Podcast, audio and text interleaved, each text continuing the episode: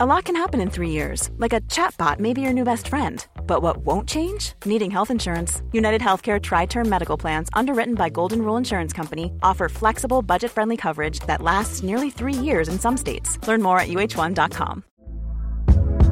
Hey there, it's Michelle Norris. I'm host of a podcast called Your Mama's Kitchen. When I travel, I'm usually looking for a way to find a taste of home when I'm not at home. And one of the things I love to do when I am at home is entertain. And Airbnb allows me to do that. When I was in California recently, I rented a house that had a great kitchen. And when we were sitting around the table, we we're all thinking, we're in someone else's house. Someone could be in all of our homes as well.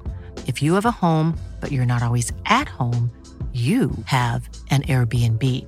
Your home might be worth more than you think. Find out how much at airbnb.com/slash host. A lot can happen in three years, like a chatbot may be your new best friend. But what won't change? Needing health insurance. United Healthcare Tri Term Medical Plans, underwritten by Golden Rule Insurance Company, offer flexible, budget friendly coverage that lasts nearly three years in some states. Learn more at uh1.com. Vi är denna vecka sponsrade av Indie Beauty. Och Sofie, det här tycker jag är extra fint och extra roligt. Ja men Indie Beauty är ju ett skönhetsvarumärke som jag tror att väldigt många känner till, men det jag älskar mest det är att Indie Beauty liksom vill vara mer än bara produkter, vilket de ju också är. Exakt, Indie Beauty står ju för Independent Beauty, skönhet på dina villkor och för din egen skull.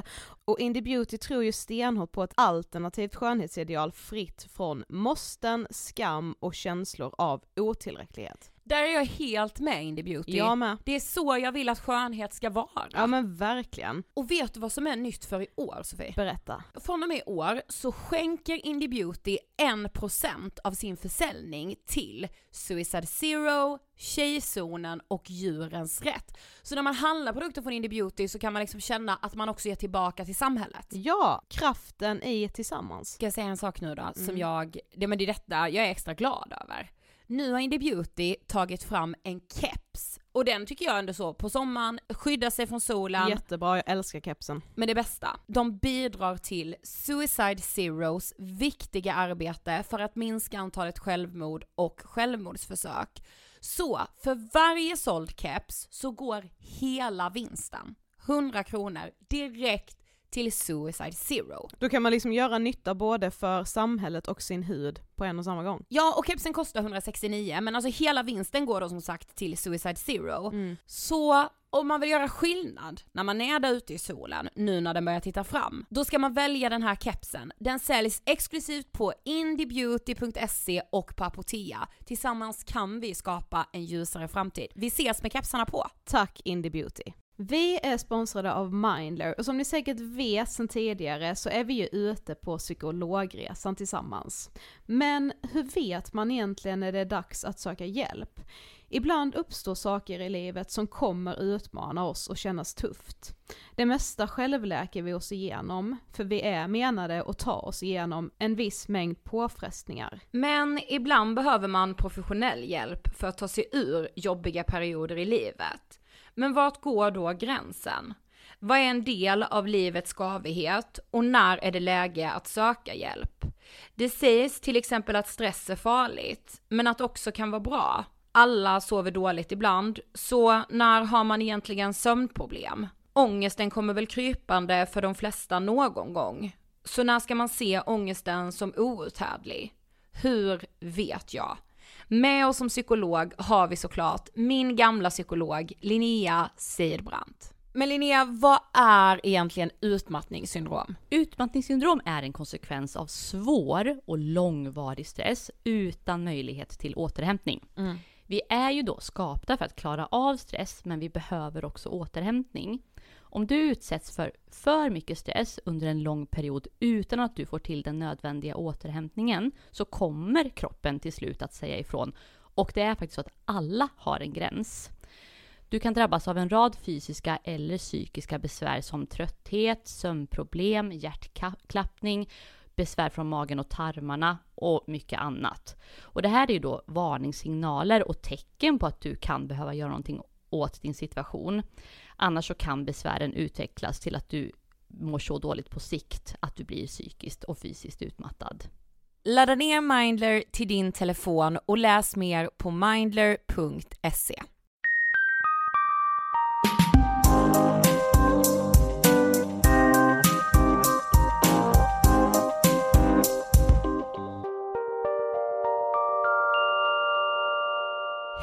välkomna till avsnitt 197 av Ångestpodden! Hej! Från en skållhet studio måndag morgon. Ja det är varmt här inne alltså. Det är helt galet. Ja. Men eh, Sofie, jag tänkte faktiskt på en grej. Mhm. Eh, som kan gå lite i linje med det vi ska prata om idag. Nej men det gör typ inte det ändå.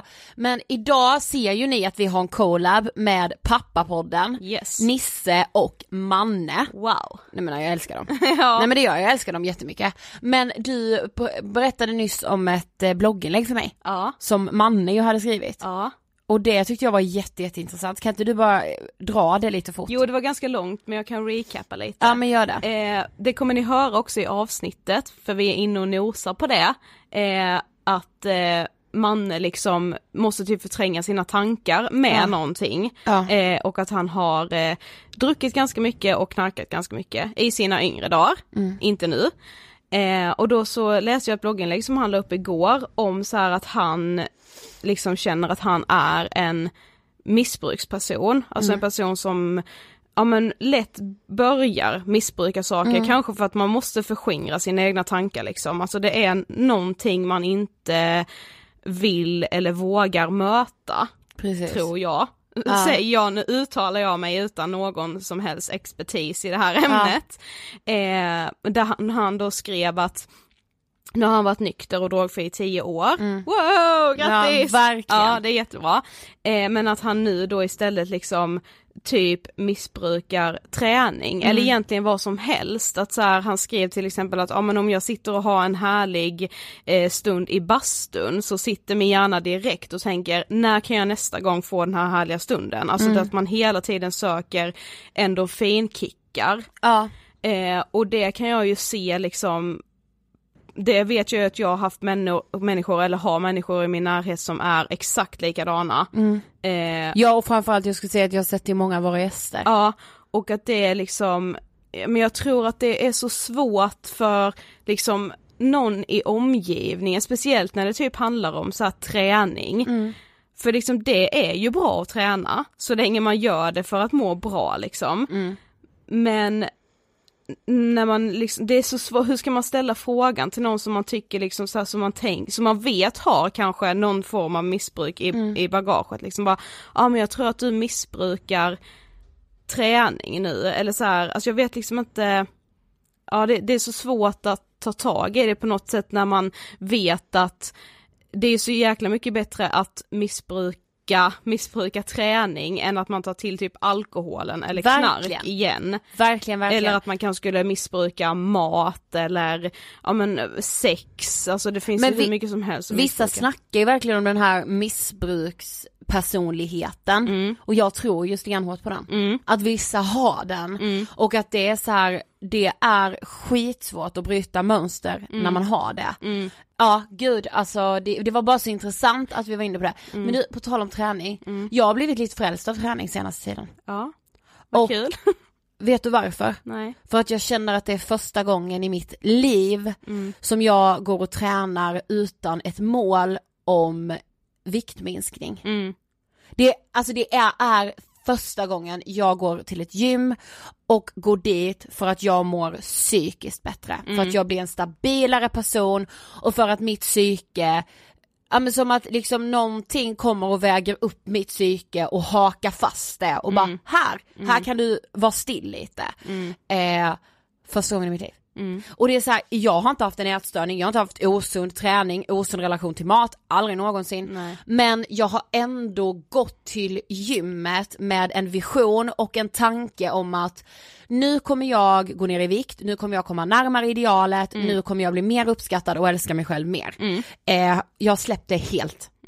Och det är det bästa jag har släppt i mitt liv. Ja, då får man ju bara hoppas att det liksom, nu låter jag som att det kommer inte hålla i sig så, nej men så här, man får ju hoppas att det verkligen kommer hålla i sig så. Mm. Eh, för gör jag så har jag verkligen med känt det är ju därför jag liksom på något sätt har liksom hat, hata är ett starkt ord men jag har också haft så svårt för så här, ja men jag, ja, men jag tränar för att må bra för att i mitt undermedvetna har det inte varit där för Nej, jag har tränat. Det har verkligen, verkligen Absolut. inte Nej, varit det. Samma här. Det har verkligen varit för att jag så här, jag tänker att, ja men om jag går hit nu, ehm, om jag ändå lyckas gå till gymmet eh, fyra av veckans dagar liksom, Mm. om jag gör det nu i typ fyra månader, då kommer jag ju snart se ut som de där jag följer på Instagram. Jag också! Ja. Alltså det är så jag har liksom Alltså har det tänkt. låter så jävla ytligt och det är så sorgligt, men ja det är verkligen därför jag har tränat. Ja, jag med. Bara därför. Ja. Och då har det ju också blivit att när jag inte har sett resultat, då har jag gett upp. Ja, precis. Då är det så här, det är ingen jävla mening. Jag hatar ju det ändå, så varför ska jag då gå dit? Ja, men nu skiter jag i det. Alltså det är så här, det, det finns inte ens på min agenda. Nej. För, och vet varför? Det är för att när, jag har haft ganska mycket ångest tror jag eh, på sistone och när jag går dit, jag kan ju känna medan jag är, alltså medan jag liksom fysiskt rör på mig hur min ångest minskar. Ja. Hur den bara trappas ner, trappas ner, trappas ner. Och det är ju värt så jävla mycket mer än en jävla Men det är så- fitnesskropp. Ja men det är så jävla sjukt när man känner det alltså fysiskt. Jag var ute, så berättade jag för dig, jag var ute och gick, jag tror det var förra helgen. Skulle liksom gå min vanliga liksom lite längre runda som jag typ ändå, jag har tid att, att ta den rundan när det är helg och Ja. när man kan gå mitt på dagen när det liksom är ljus. Jag vill inte vara ute och gå på Djurgården när det är mörkt. Nej, nej, nej. Det skulle jag inte våga. Men, och så gick jag där och bara kände hur jag blev astrött. Alltså det var det sjukaste, jag bara, min kropp kan inte vara så här fysiskt trött av att vara ute och gå. Men sen bara, men det är som att det typ släpper spänningar Ja, i hela min kropp och vi har ju varit liksom, ja men jag har känt mig jättestressad, känner Ja. mig fortfarande ganska stressad inför liksom, ja men jag vill typ bara nu att det ska bli december, Mm. för vi har haft jättemycket att göra i oktober och har mycket att göra nu typ halva november också. Mm. Eh, det är inte så här, jag klarar av det, alla klarar av stress när man bara vet att det finns ett slutdatum. Mm. Men jag kände verkligen då fysiskt att min kropp har varit stressad och att jag typ har gått runt och spänt mig. Mm. Ja. Och det, jag bara jävlar vad påtagligt det är. Jag alltså vet. jag blev bara helt slut. Mm. Alltså det var helt galet. Ja, men man måste komma ihåg varför man tränar. Mm. Och liksom om man känner så här, ja jag tränar därför, alltså det är inte värt det. Nej. Alltså jag tränar för att bli en Victoria's Secret modell, det har jag seriöst typ gjort. ja. Alltså va? va? Mm. Va? Ah, shit du kommer må bäst. Mm, I ja, verkligen. Toppen kommer du må. Nej men åter till Nisse och Manne. Ja. Vilket möte vi hade. Ja, och ni som kanske kommer in hit nu för att ni har redan lyssnat på Ja. Extra avsnittet som pappapodden har släppt. Så hej hjärtligt välkomna till Ångestpodden. Ja vi ska ha det så mysigt här nu hörni, Ja. ni förstår inte. Och för er som nu lyssnar här först, alltså våra älskade, älskade lyssnare. Ni ska vidare efter det här avsnittet till pappapodden. Yes, där Vi- vi, pratar om eh, olika saker som ger en vardagsångest. Nej men det sjukaste var ju att Nisse och Manne plockade fram saker hos oss. alltså vi inte har pratat om innan. Nej gud, Ja. nej! Mm. Ida och Sofie på Sturehof bland annat. ja, jag kände, vilket jag tror Manne och Nisse också kände att vi, det här kommer bli något återkommande för vi Ja, hann ju inte klart. Nej det gjorde vi inte. Men jag tycker ändå att eh, vi kanske lite kort ska säga vad, vad kommer det här handla om Sofie? Ja men vi gjorde ju ett avsnitt för några månader sedan Mm. med Marie Björk om så här, ja men eh, jämställt föräldraskap Ja. och liksom mammarollen, det pratade vi också ganska mycket om med Ida Varg, Ja. när hon ju fortfarande var gravid. Mm.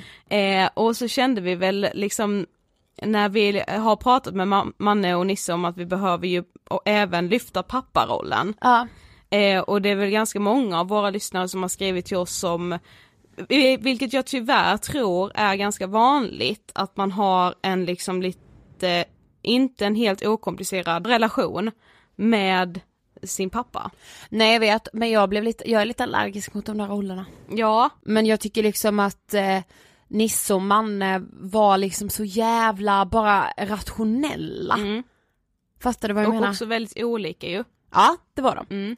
Men nu ska vi inte dra på detta mer. Nej. Så vi rullar igång collaben med pappapodden, Nisse och Manne. Varsågoda! Manne och Nisse, välkomna till Ångestpodden! Tack! Tack! Otroligt kul att vara här. Och då ska vi säga då att för er som nu har lyssnat på oss, alltså pappapodden innan, så välkomna hit. Ja, varmt Exakt. välkomna pappapodden. Ja, Och precis. pappapoddens lyssnare Ja. till Varmt välkomna Ja. till Ångestpodden ja. Det kanske Ja. är första gången någon är här. Ja. Vet ni vad jag kände? Ni är så pepp på att vara hos oss. ja. Och det blir jag så glad av. Vi är jättepeppade på det. Ja, tills ni har hört frågorna kanske.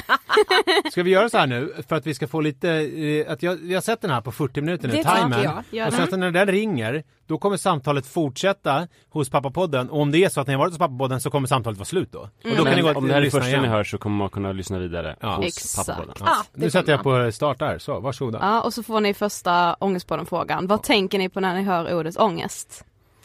Alltså ångest, ångest bara, inte pappaångest utan ångest. Nej, Ja, ångest. bara ångest. Alltså jag tänker på, jag tänker på ett, ett eh, molande obehag som ofta är irrationellt. Att ofta så, det är kanske en pytteliten grej fast sen så ger det så här ett det ger en jävligt jobbig känsla som man ibland inte kan härleda. Ibland kan man härleda men det är så här, men, men hur kan den lilla grejen som jag sa eller gjorde så här, ge så pass oproportionerligt mycket ångest. Så jag har inte haft den här, eh, någon gång har jag haft så här riktig ångest, väldigt sällan, och då har det känts som att, jag har tänkt på att det känns som att någon sitter på min bröstkorg. Exakt. Att det är som att det blir svårt att andas och att jag har så här panik nästan. Eh, men det har ju varit väldigt sällsynt i mitt liv. Och då har det varit faktiskt konkret, att det var en konkret grej så här, en hotfull situation. Och det var några dagar. Men det vanligaste är ju bara att Alltså, men varför mår jag så här egentligen? Och sen så bara något molande, inte jätteallvarligt men bara liksom trist. Får jag bara fråga innan, har vi presenterat oss? Alltså vet alla att det var Manne Forsberg från pappapodden som sa det här? Eller Nej, tror det de att det var jag? För jag tyckte det var helt sjukt! Nej jag det, tyckte, det tyckte jag inte alls, men Mm. bara så att man... Nej men det är sant. Ja, jag det låter ju inte. så här och heter Manne Ja, och är den korthårigare av oss. ja, Och du heter Nisse Ja. och är långhårig. vi låter väl ungefär Det likadant. spelar inte så stor roll egentligen. Nej, men jag bara tänkte att det kunde vara Ja. trevligt. För mig är ångest, eh, alltså en, en känsla av förlamning. Alltså att man sitter och bara, och inte kommer loss, inte gör, man bara, alltså sitter och stirrar och det bara surrar och man liksom, man kommer inte ur det och sen så nästan som en centrifug som, och så kan det bli nästan att det ibland snurrar fortare och vid några tillfällen i mitt liv har det gått så fort så att liksom hjärtat rusar och man får det här det som då kallas för panikångestattack. Eh, ja, det är ju, det är ingen känsla som jag tänker så här skönt.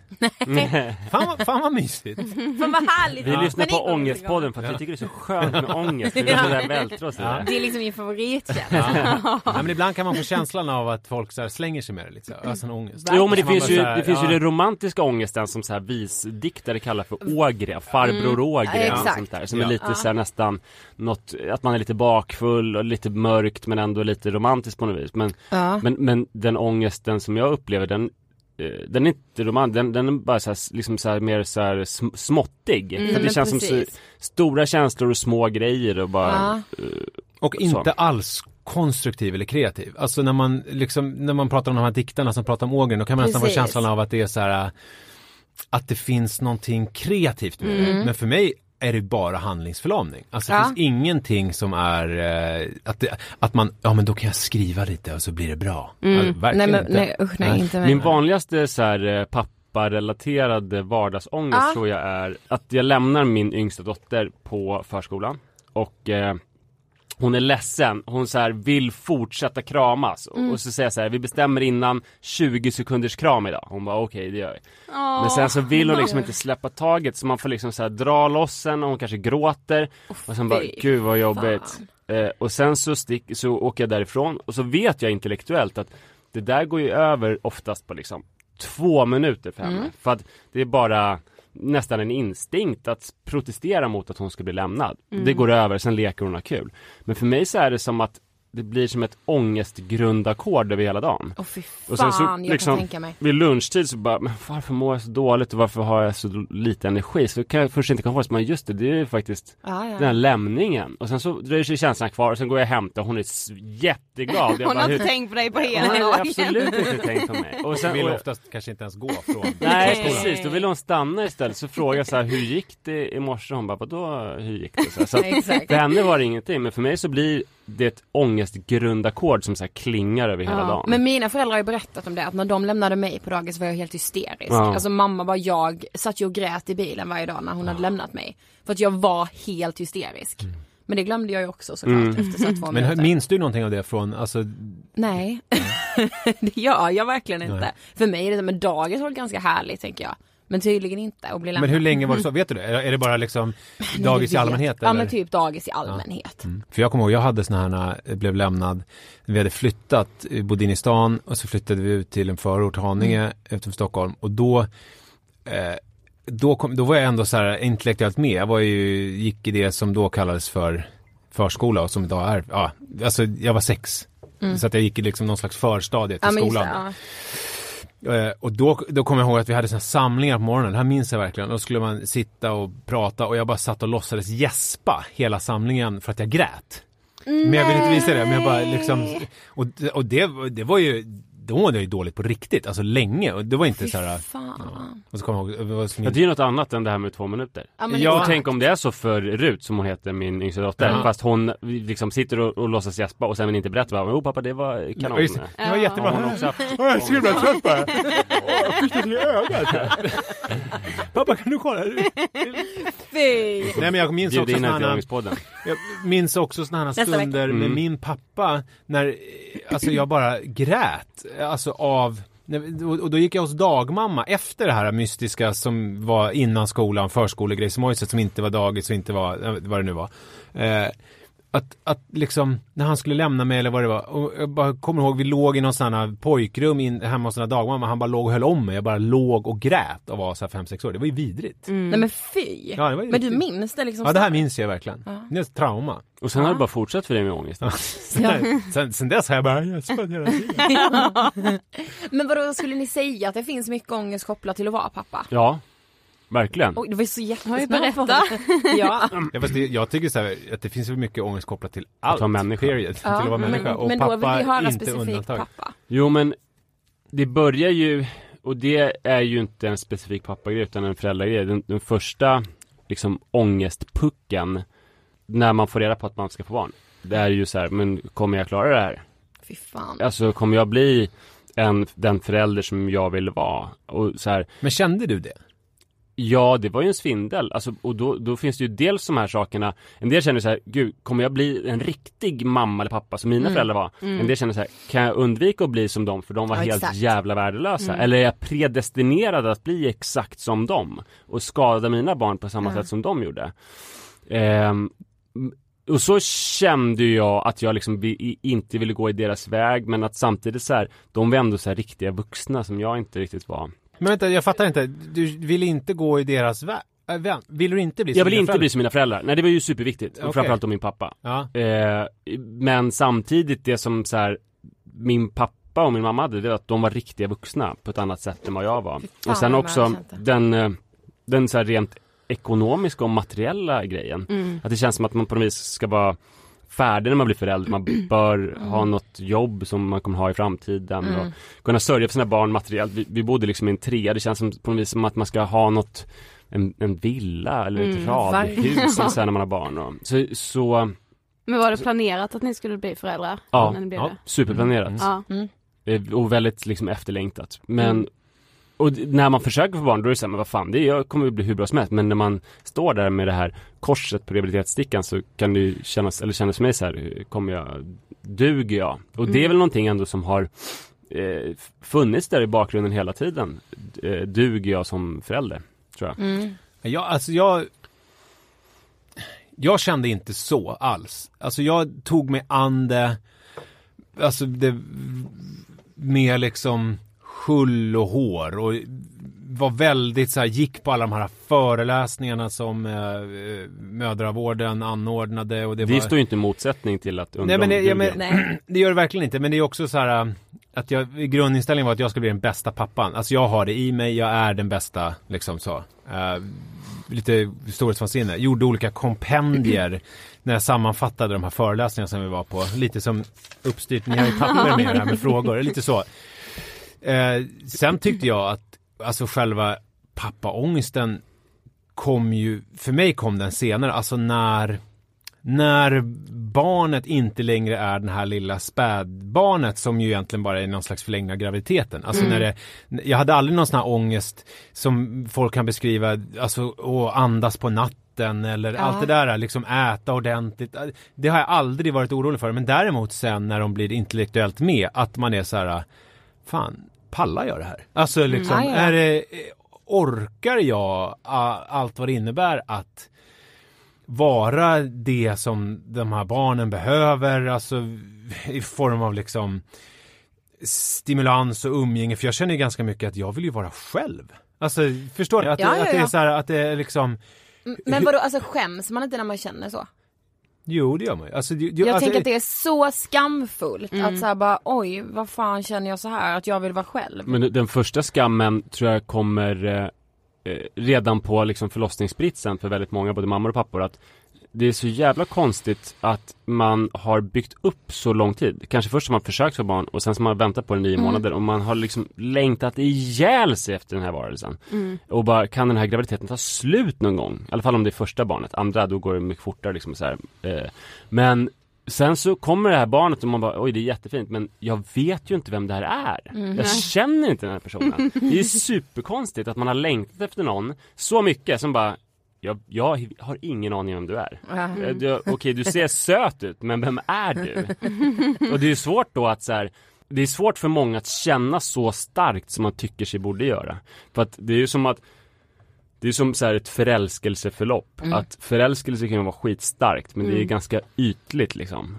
Och sen så när man har en relation så blir man, börjar man älska någon och det fördjupas av alla minnen och gemensamma erfarenheter. Så är det lite med barn också att det är en ganska så här på något vis ytliga kärlek eller någon slags förälskelse i början som Ja. fördjupas när man lär känna varandra. Mm. Och präglar varandra typ. Men en sak som vi tänkte på och som faktiskt ganska många av våra lyssnare skrev också till oss när vi sa att vi skulle podda mer och det här kanske är lite stereotypt men det känns som att så här mammarollen är väldigt snäv, alltså vi har ju pratat lite om så här eh, ångest kring mammarollen just tidigare avsnitt eh, och det känns som att det finns mer krav på mamman och mycket som hon kan göra där hon går liksom utanför ramen och då får mycket skit för det. Medan papparollen känns lite mer svävande, alltså att det är lättare att så lyckas som pappa för att det krävs inte lika mycket för att vara så här: wow vilken bra pappa du verkar vara. Alltså kanske inte inom familjen men utåt sett. Ja men det, så är det ju. Och, Mm. det är ju, jag menar, vi är ju ett bra exempel på det. Alltså om motsvarigheten till pappapodden, det finns ju en del eh, som är mammaprofiler. Vi har Mm. ju båda bloggat på mammatidningen tidigare och sådär. Där fick ju folk, eh, mammorna, ganska mycket ovett i Mm. sociala medier på många sätt. Alltså vad det man gjorde var det fel. Och eh, alltså jag och Manne, det är väl, vi kan ju räkna egentligen på, ja, nu har vi hållit på så länge så nu kanske man måste använda båda fingrarna, båda händerna. Men jag menar mer är det inte än skit vi har fått i sociala medier Nej, och så här, Nej men Marke, vi, vi kan ju berätta ganska så här sjuka grejer. sjuka grejer som vi har gjort eh, kopplade till Alltså vårt... riktigt störda. Nej. Men jag vill höra. Nej, och det har vi gjort Spänn fast er hörni. Men ändå så tycker folk i huvudsak att det är bra föräldrar bara för att vi eh, eh, älskar våra barn och liksom delar lika och sådär. Men vi pratar ju Ja. mycket, vi pratar ju mycket runka och porr till exempel. Nu, är vi liksom, Ja, ja, välkomna till våran värld. Ja, Mm, ja, ja. och jag menar, där tänker jag så här. Nej men det, det spelar inte så, så Jo, det, gör det visst det. kopplat För jag, från- jo, men jag tänker så här. Om två mammor hade suttit och pratat så mycket om liksom att man så här runkar när barnen är på förskolan och sådär. Alltså det tror jag inte. Ja, det det tror jag jag, jag tror att man hade fått skit av det. Det är klart man hade. Jo, det Jag, jo, Jo. för jag tror att det. ni är lite härliga för att ni är Ja, det är ärliga klart med det. är. Men som kvinna är det liksom bara så här, är du sjuk i huvudet? Nej men det finns andra saker som är sjuka i huvudet, alltså så här, som Nisse berättade väldigt nyligen om att han hade knögglat ihop sin sons mattestencil och slängt den i väggen. Det, Ja, hade ju liksom, kan knappt någon pappa klarat av, men där hade ju folk liksom, du vet, tagit den mamman till ett torg och eh, Arkebuserat. Stenat. ja! dammat av någon giljotin tror Häng, jag. eh, Och- gjort jag. en brasa, eldat upp. Ja men Ja, kanske då det- när man hade gjort den här brasan eller giljotinen att folk hade bara nej vi måste få stena för vi vill vara med. Var, var, du frågar varför jag gjorde det. För att det var eh, idiotisk jävla tal som jag inte fattade. Jaha okej. Men då så. Ja ja. Ja men alltså, vad, alltså så här, jag blir så jävla irriterad när jag ser det. Alltså vi har ju inte barn själva, alltså vi är ju inte ens där ännu. Men jag kan bara tänka mig. Jag bara känner så här, åh en pappa sitter och gör läxor med sitt barn på Instagram och alla bara fan vad du är fin. Men jag kan ta ett annat exempel också som också har liksom med hela det att göra. Det var så här, min kille hade typ lagt ut en print från en så här bara, ja men det var en eh, kvinna som, eh, alltså det var hennes pojkvän hade typ så här eh, förgripit sig på henne när hon sov, ja det var någon så här artikel om det och han bara, ja man vill inte förknipp- förknippas med släktet men typ så här och jag bara, det var ju fint av min kille då. Alla kommentarer var bara så här. Om alla killar var som dig och bara såhär bror, fan vad bra. Jag Och tjejer med Jag bara men bara, snälla wow. alltså vad det är väl folkvett? Ska han liksom få så här stöttande liksom peppande kommentarer för att han lägger ut något helt normalt? Mm. Ja, Förstår ni? Alltså ja jag, förstår. Där, Ja. Men där är väl, mo- ja, jag vet ja, jo jag fattar precis och det är jättekonstigt men jag Ja, jag tänker det finns en grej med papparollen som om man nu Mestadels så är det ganska lätt skulle jag säga, alltså på ett sätt. Men det som är problemet när det inte finns en riktigt tydlig roll, i alla fall i mitt fall det är ju att man också ibland kanske famlar lite och undrar vad fan, vem är jag? Att man liksom, det finns, alltså det naturliga som liksom känns som att ändå fortfarande samhället vill är att mamman ska märka kläderna och ska eh, liksom förskolan ska kontakta och liksom det är som att man lite grann hela tiden måste kämpa eh, mot för att få det här utrymmet som man Men man kan väl säga så här att det är ju en, en väldigt konstig sak det är att om män gör sånt som traditionellt har varit eh, kvinnors uppgift, som att namnmärka kläder. Just det. Då kommer ju alla tycka, jävlar vilken bra pappa som namnmärker kläder. Även om han har skitful handstil. men ingen kommer tycka, alltså så då kommer det så här, åh gud vad bra han är, men jävla dålig mamma. Så att så här, precis. så att för att någon Hi, I'm Daniel, founder of Pretty Litter. Cats and cat owners deserve better than any old fashioned litter. That's why I teamed up with scientists and veterinarians to create Pretty Litter. Its innovative crystal formula has superior odor control and weighs up to 80% less than clay litter. Pretty Litter even monitors health by changing colors to help detect early signs of potential illness. It's the world's smartest kitty litter. Go to prettylitter.com and use code ACAST for 20% off your first order and a free cat toy. Terms and conditions apply. See site for details. Cool fact a crocodile can't stick out its tongue. Also, you can get health insurance for a month or just under a year in some states. United Healthcare short term insurance plans, underwritten by Golden Rule Insurance Company, offer flexible, budget friendly coverage for you. Learn more at uh1.com. Hey, it's Ryan Reynolds, and I'm here with Keith, co star of my upcoming film, If, only in theaters, May 17th. Do you want to tell people the big news? All right, I'll do it. Sign up now and you'll get unlimited for $15 a month in six months of Paramount Plus Essential Plan on us. Mintmobile.com slash switch. Upfront payment of $45 equivalent to $15 per month. Unlimited over 40 gigabytes per month. Face lower speeds. Videos at 480p. Active Mint customers by 531.24 get six months of Paramount Plus Essential Plan. Auto renews after six months. Offer ends May 31st, 2024. Separate Paramount Plus registration required. Terms and conditions apply if rated PG. Kunna vara bra i familjen så krävs det att någon är dålig. För då tycker Mm. man ju samtidigt så här, men jaha, ja, gud vad bra han är, men gud vad dålig hon är, varför Mm. namnmärker inte hon kläder? Så det blir ganska jobbigt då för många kvinnor att så här, släppa namnmärkning om det, om priset ska vara att de är jävligt dåliga då. Mm. Ja exakt. Eh, så då blir det ju ovärt det liksom. Ja, För arbetsuppgifterna verkligen. är ju de samma. Ja. Alltså, du menar oavsett vilken typ av samhälle man lever i. Det är ju Mm. samma grejer man behöver göra. Så att ibland kan det ju bli nästan att jag kan känna att jag eh, gör saker, alltså roffar åt mig olika saker bara för att det, det känns viktigt. Och då, som Anne säger, då blir det liksom Mm.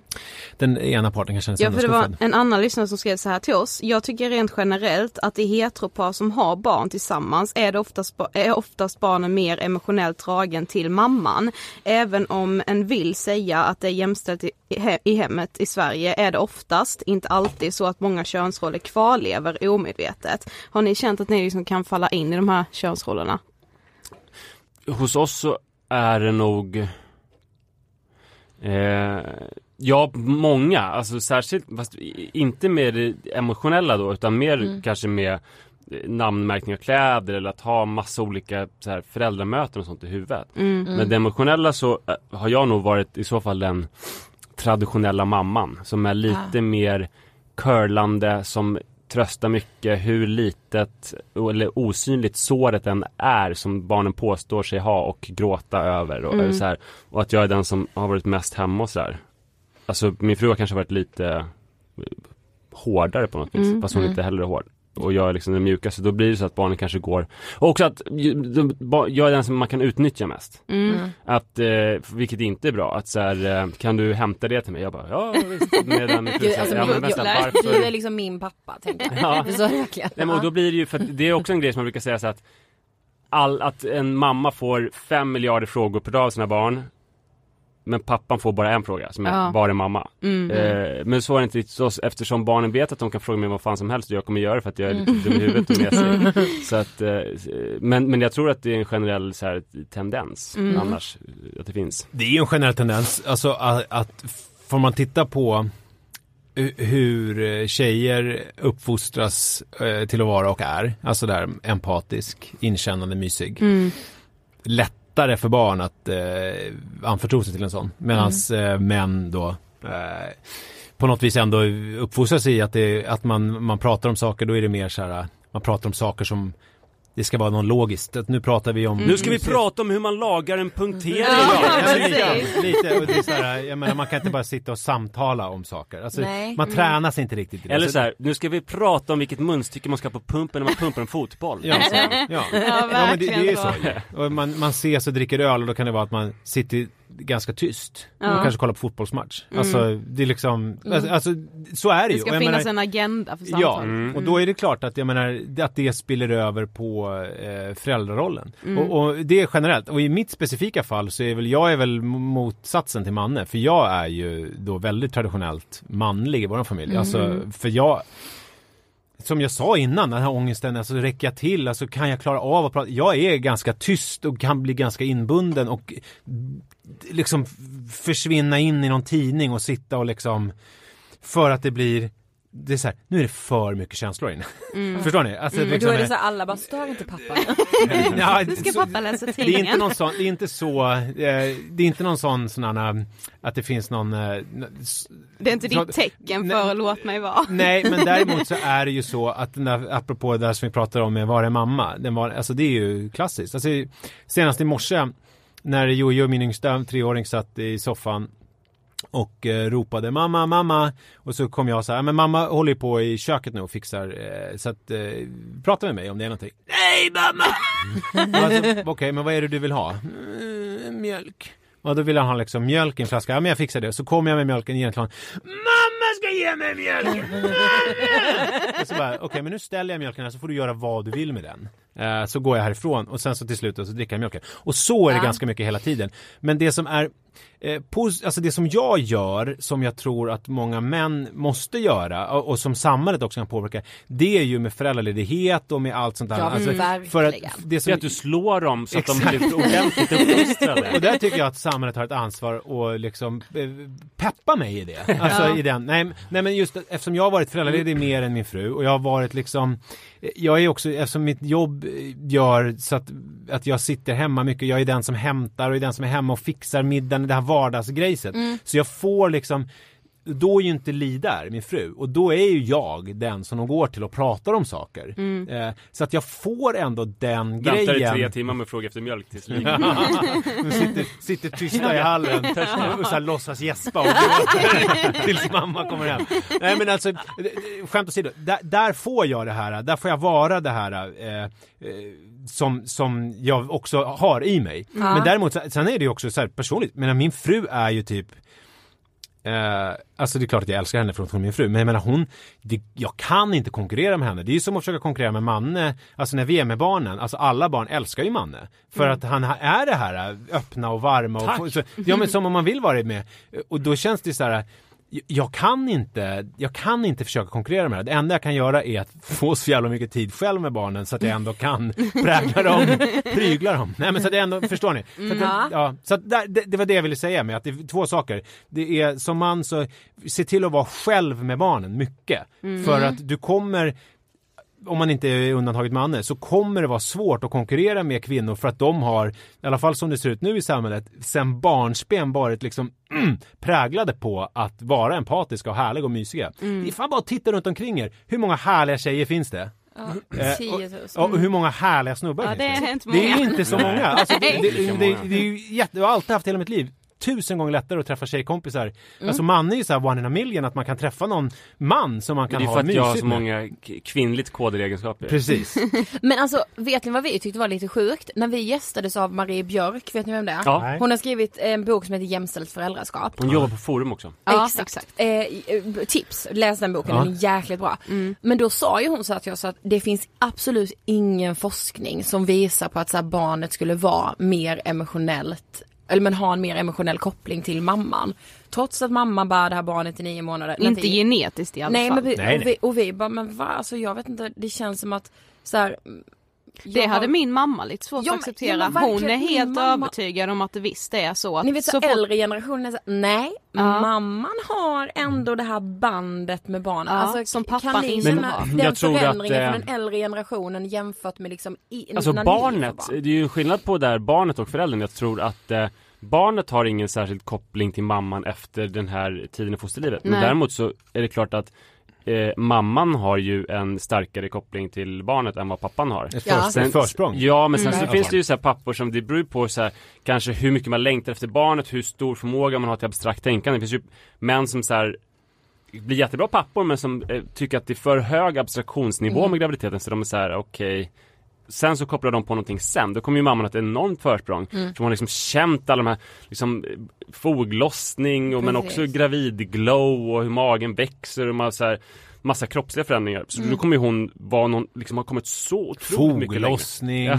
svullna fötter. Ja men det är verkligen, jo men det gör ju ja, det, det, man kan inte resa sig Ja men kräkas i snön på väg till jobbet. Men Ja. allting sånt gör ju att man såklart funderar skitmycket på graviditeten. Mm. Alltså Men- både de bra och de dåliga sakerna. Men det finns ju en snubbig grej som ju också är, som jag upplevde mycket, alltså, alltså sådana grejer som folk säger utan Mm. egentligen tänka efter så bara, ja men fan första två åren var inte så jävla roliga. Men eh, nu börjar det bli lite kul. Jag förstår ni? Att det liksom är så här, som att man Sen kan man ju spela boll med dem. Ja men lite. Lite roligt. och, och så säger alla andra, ja men fatta precis vad du menar. Och där har jag väl gjort mig skyldig till samma grej, Ja. alltså många Mm. gånger. Att man liksom faller in i ett tugg. Det är samma folk som säger så här, ja, längtar till mig som har två döttrar, längtar du inte efter en grabb nu? Ja. Man bara, ja, det är inte genitalierna riktigt som är så här. Men längtar du inte efter en grabb? Gör du det? Jag skulle gärna ha en tjej. Alltså, jag har ju två killar. Ja men det är för att tjejer är liksom objektivt bäst kanske, så där blir det lite annorlunda. Uh, Det har vi ju precis konstaterat. Ja just det, just det. Ja, det är enklare. Det är liksom. det hela Ja. samtalet ändå. Mm. Ja, nej men, eh, det, vet jag inte var hamnar. Nej men det jag skulle säga var att det handlar ju också om att Alltså när man har det här eh, lilla paketet med det här spädbarn, man måste ju också försöka lite själv. Alltså Mm. det, det, så här, saker händer inte bara. Alltså det är liksom, om man sitter och väntar på att man ska få spela boll eller ha ett samtal, att det är det man tänker är så här, det är det som är själva grejen, då blir det lite knepigt. Ja. Ja men sen så blir det ett enormt försprång. Om man tänker då så att kvinnor i de allra flesta fall eh, har funderat mer på graviditeten än vad män har gjort. Eh, och sen väldigt ofta ammar Mm. och väldigt ofta är föräldraledig den första tiden. Då kommer ju de få ett enormt försprång som känns nästan ointagligt. Om mannen då dessutom kommer vara mindre föräldraledig än vad hon Precis. kommer vara.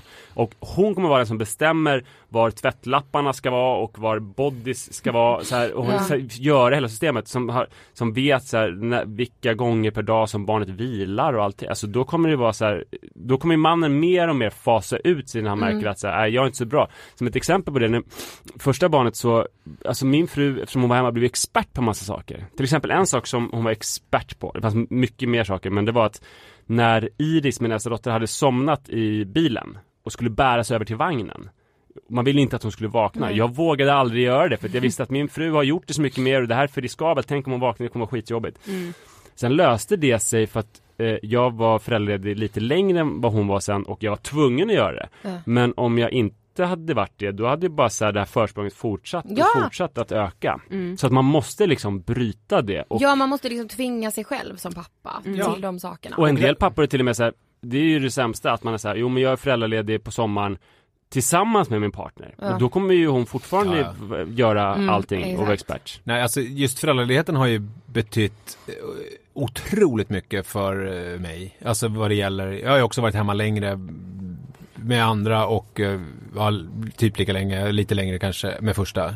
Eh, Alltså just det där att få hitta sig själv som pappa i liksom i lugn och ro, ensam. Nu är klockan åtta, nu har min partner gått till jobbet, nu är jag själv, okej, här har vi det här paketet, nu ska vi få den här dagen att funka. Eller? Ja. Alltså det är så här, det är ju liksom det, det går ju inte att lära sig det om man inte gör det. Nej. Det går inte att läsa sig till eller förstå. Så att, det- och det gör ju otroligt mycket med relationen till barnet sen också.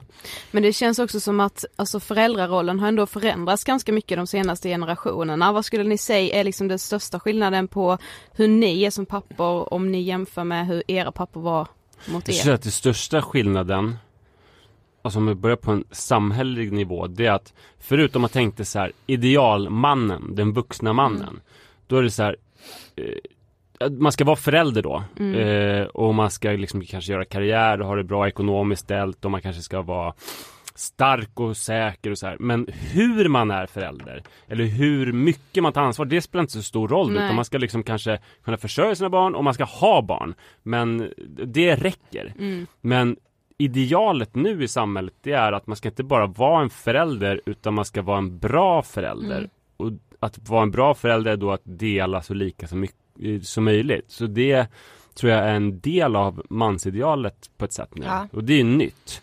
Eh, och vad var frågan till oss? Hur vi, Ja, hur... hur- hur vi är annorlunda än Ja, våra precis. föräldrar?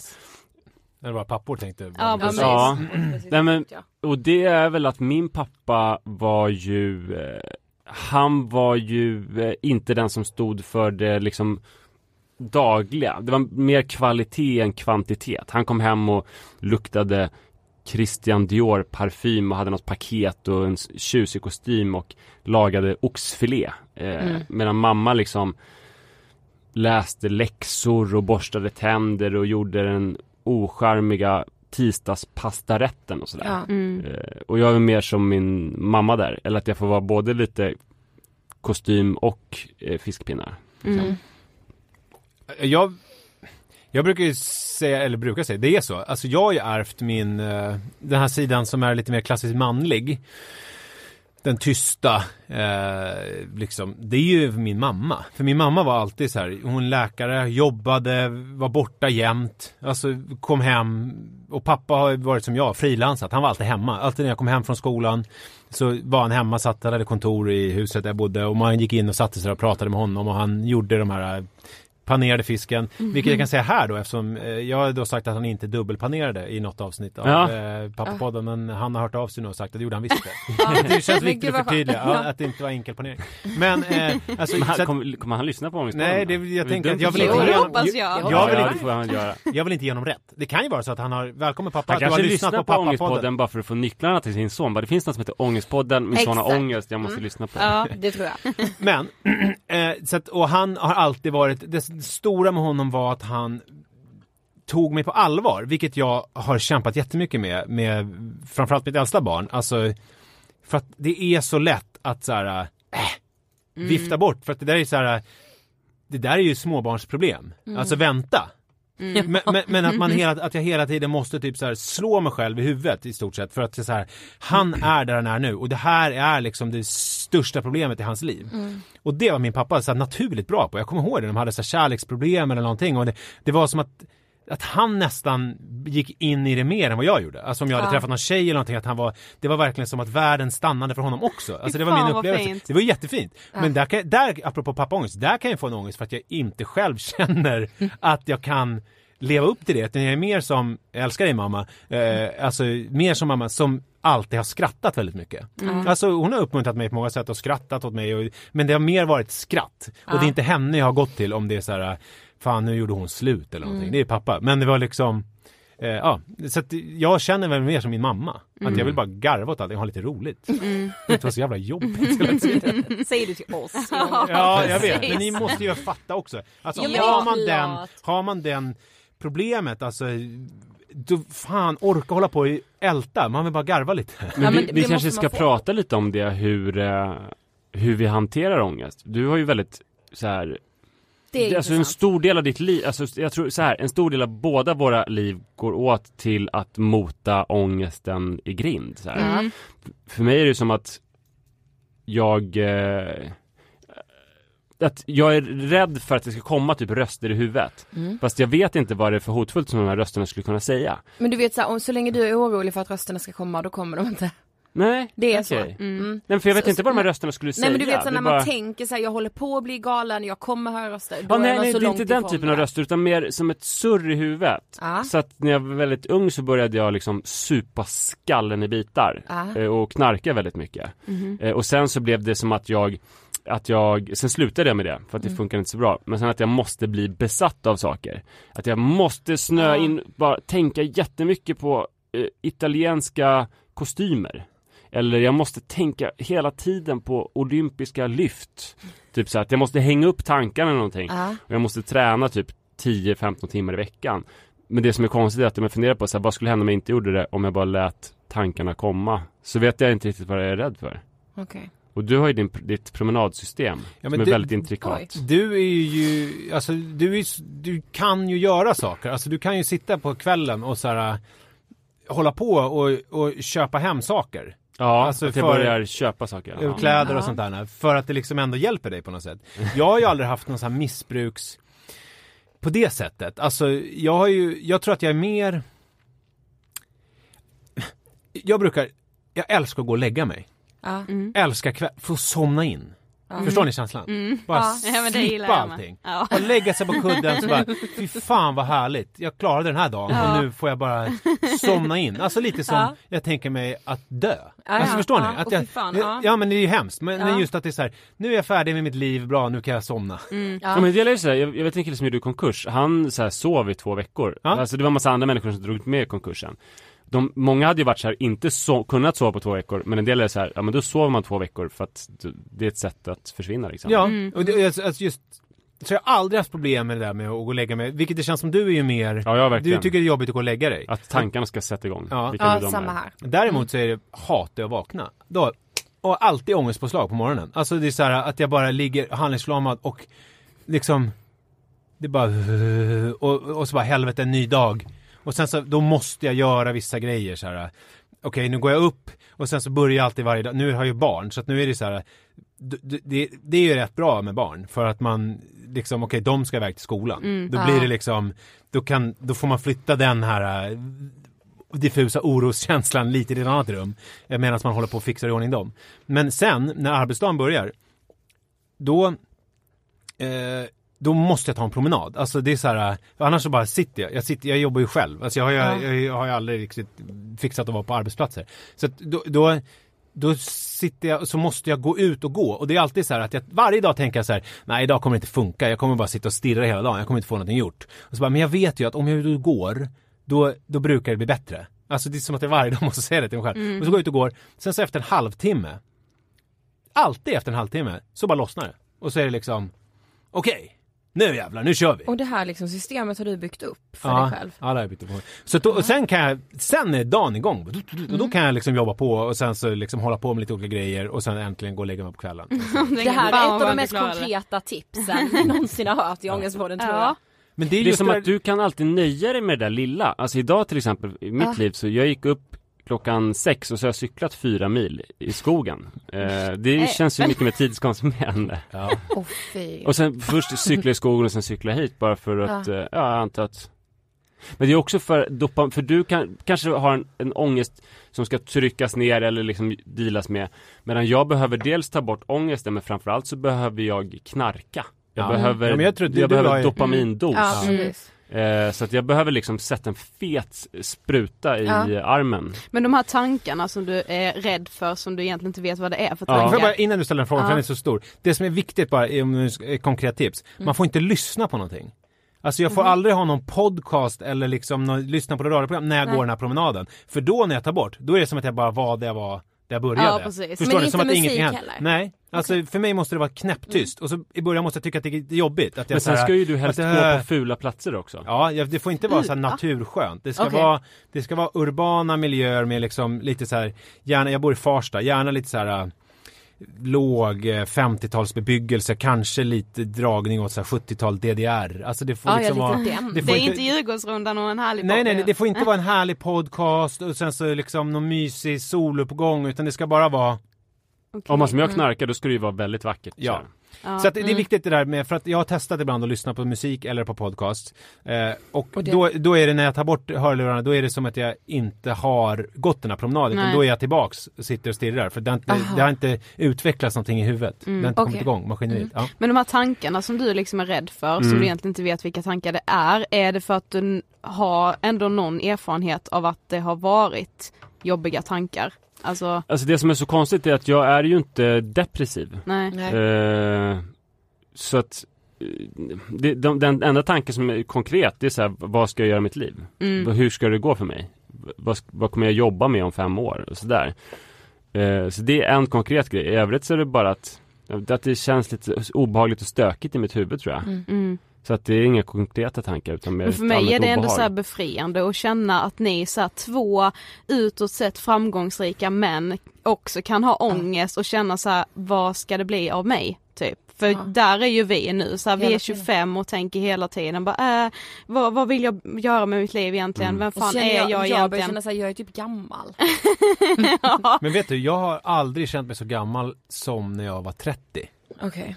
Och nu är ni, Ja, hur Jag gamla är- är ni nu? Jag är 38 nu. Jag är 35. Eh, alltså, och det var, då var det så här, äh, då kände jag mig så här riktigt gammal. Alltså på ett, på ett, eh, alltså på ett lite så här, nu när jag tittar på bilder på mig själv så bara, vad höll jag på med? Varför, Ja. varför Ja, känner jag mig så så, gammal ja. då? Men det var liksom så här, nej men nu kan jag inte, så här, konkret grej, nu kan jag inte stå upp när jag cyklar längre. Men varför skulle du inte det? Det kändes så här barnsligt, som att, som att man står upp och bara, "Åh, åh", utan nu skulle man sitta. Ja, men nu står du väl på cyklar? Ja, nu Okej, skiter jag ja. allt det där. Så, Men så det- Men det, men det, var, som konkret, det var en väldigt konkret tanke. Men då. kä- jag är såhär, jag, bara, jag kan inte bli asfull. Känner jag typ. Ja, Som jag är ute. jag Det kan liksom inte nu. göra bort mig på fyllan men längre. precis. Det, för då är Eller jag hur? liksom jävligt pinsam. Alltså tänk om jag skulle spy och typ men så. Alltså det vill säga, inte för att jag vill hamna där det är vidrigt men jag vill ändå ha så här utrymme för att oj nu hände det för jag är ung och dum. Mm. ja Alltså, jag- precis, man kan inte skylla på den alltså jag är grejen. 25 år. Vad Men skulle... hon, Ja. nu är det, alltså nu börjar vi prata om er, jag vet att Ja, det, men, men men jag ska- tycker att det är ja. så spännande det där för att jag kände ju aldrig att jag alltså hade någon ungdom utan ehm, Alltså vi kommer snart uh, kommer jag till pappapodden och då kommer Ja. vi prata lite om andra Ja. ångestar och det här, Ja. det här tangerar lite det så vi kommer Ja. att ta vidare då. Men just det här, alltså för mig var, titta, Där nu ringer vi det, ja. Alltså, det här betyder ju att vi, Vi samtalet vidare. här är avslutat och Ja. nu Tack om och ni hej. vill fortsätta lyssna så kommer vi prata om pappapång- pappaångest men också om andra grejer eh, som är ångestrelaterade hos oss. Eh, och om det är så att det här var det andra ni hörde så tack. Tack Ja. så hemskt mycket. Tack och hej. Okej nu ska ni alltså kasta er över till pappapodden. Ja, Finns där alla poddar finns. ja precis. Ja och där har ju vi liksom äran att gästspela. Mm. Men jag tror att ni liksom Ångestpodden lyssnare, ni kommer verkligen gilla det. Mm. Det tror jag också. Ja, Tack så jättemycket Nisse och Manne för att ni ville gästa Ångestpodden. det var otroligt. Ja, Och ni kommer väl tillbaka? det hoppas jag. Det hoppas jag med.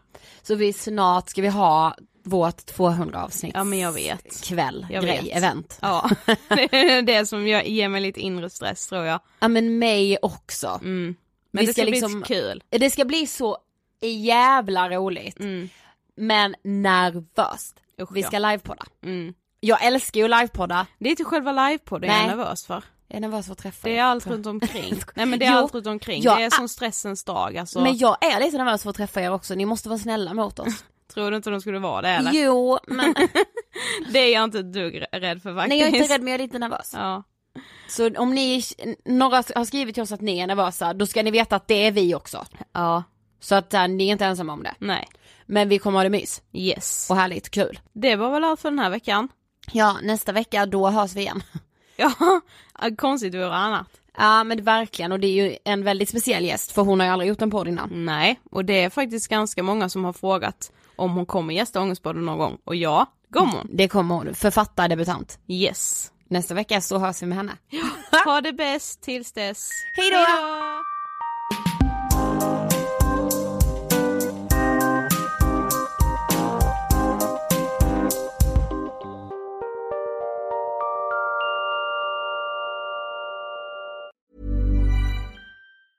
Even when we're on a budget we still deserve nice things. Quince is a place to scoop up stunning high-end goods for 50 to 80% less than similar brands. They have buttery soft cashmere sweaters starting at $50, luxurious Italian leather bags, and so much more. Plus, Quince only works with factories that use safe, ethical, and responsible manufacturing. Get the high-end goods you'll love without the high price tag with Quince. Go to quince.com slash style for free shipping and 365-day returns. Mom deserves the best, and there's no better place to shop for Mother's Day than Whole Foods Market. They're your destination for unbeatable savings, from premium gifts to show-stopping flowers and irresistible desserts. Start by saving 33% with Prime on all body care and candles. Then get a 15-stem bunch of tulips for just $9.99 each with Prime. Round out Mom's menu with festive rosé, irresistible berry chantilly cake, and more special treats. Come celebrate Mother's Day at Whole Foods Market. Imagine the softest sheets you've ever felt. Now imagine them getting even softer over time. That's what you'll feel with Bowl and Branch's organic cotton sheets. In a recent customer survey, 96% replied that Bowl and Branch sheets get softer with every wash. Start getting your best night's sleep in these sheets that get softer and softer for years to come. Try their sheets with a 30-night guarantee. Plus, get 15% off your first order at bowlandbranch.com. Code BUTTERY. Exclusions apply. See site for details.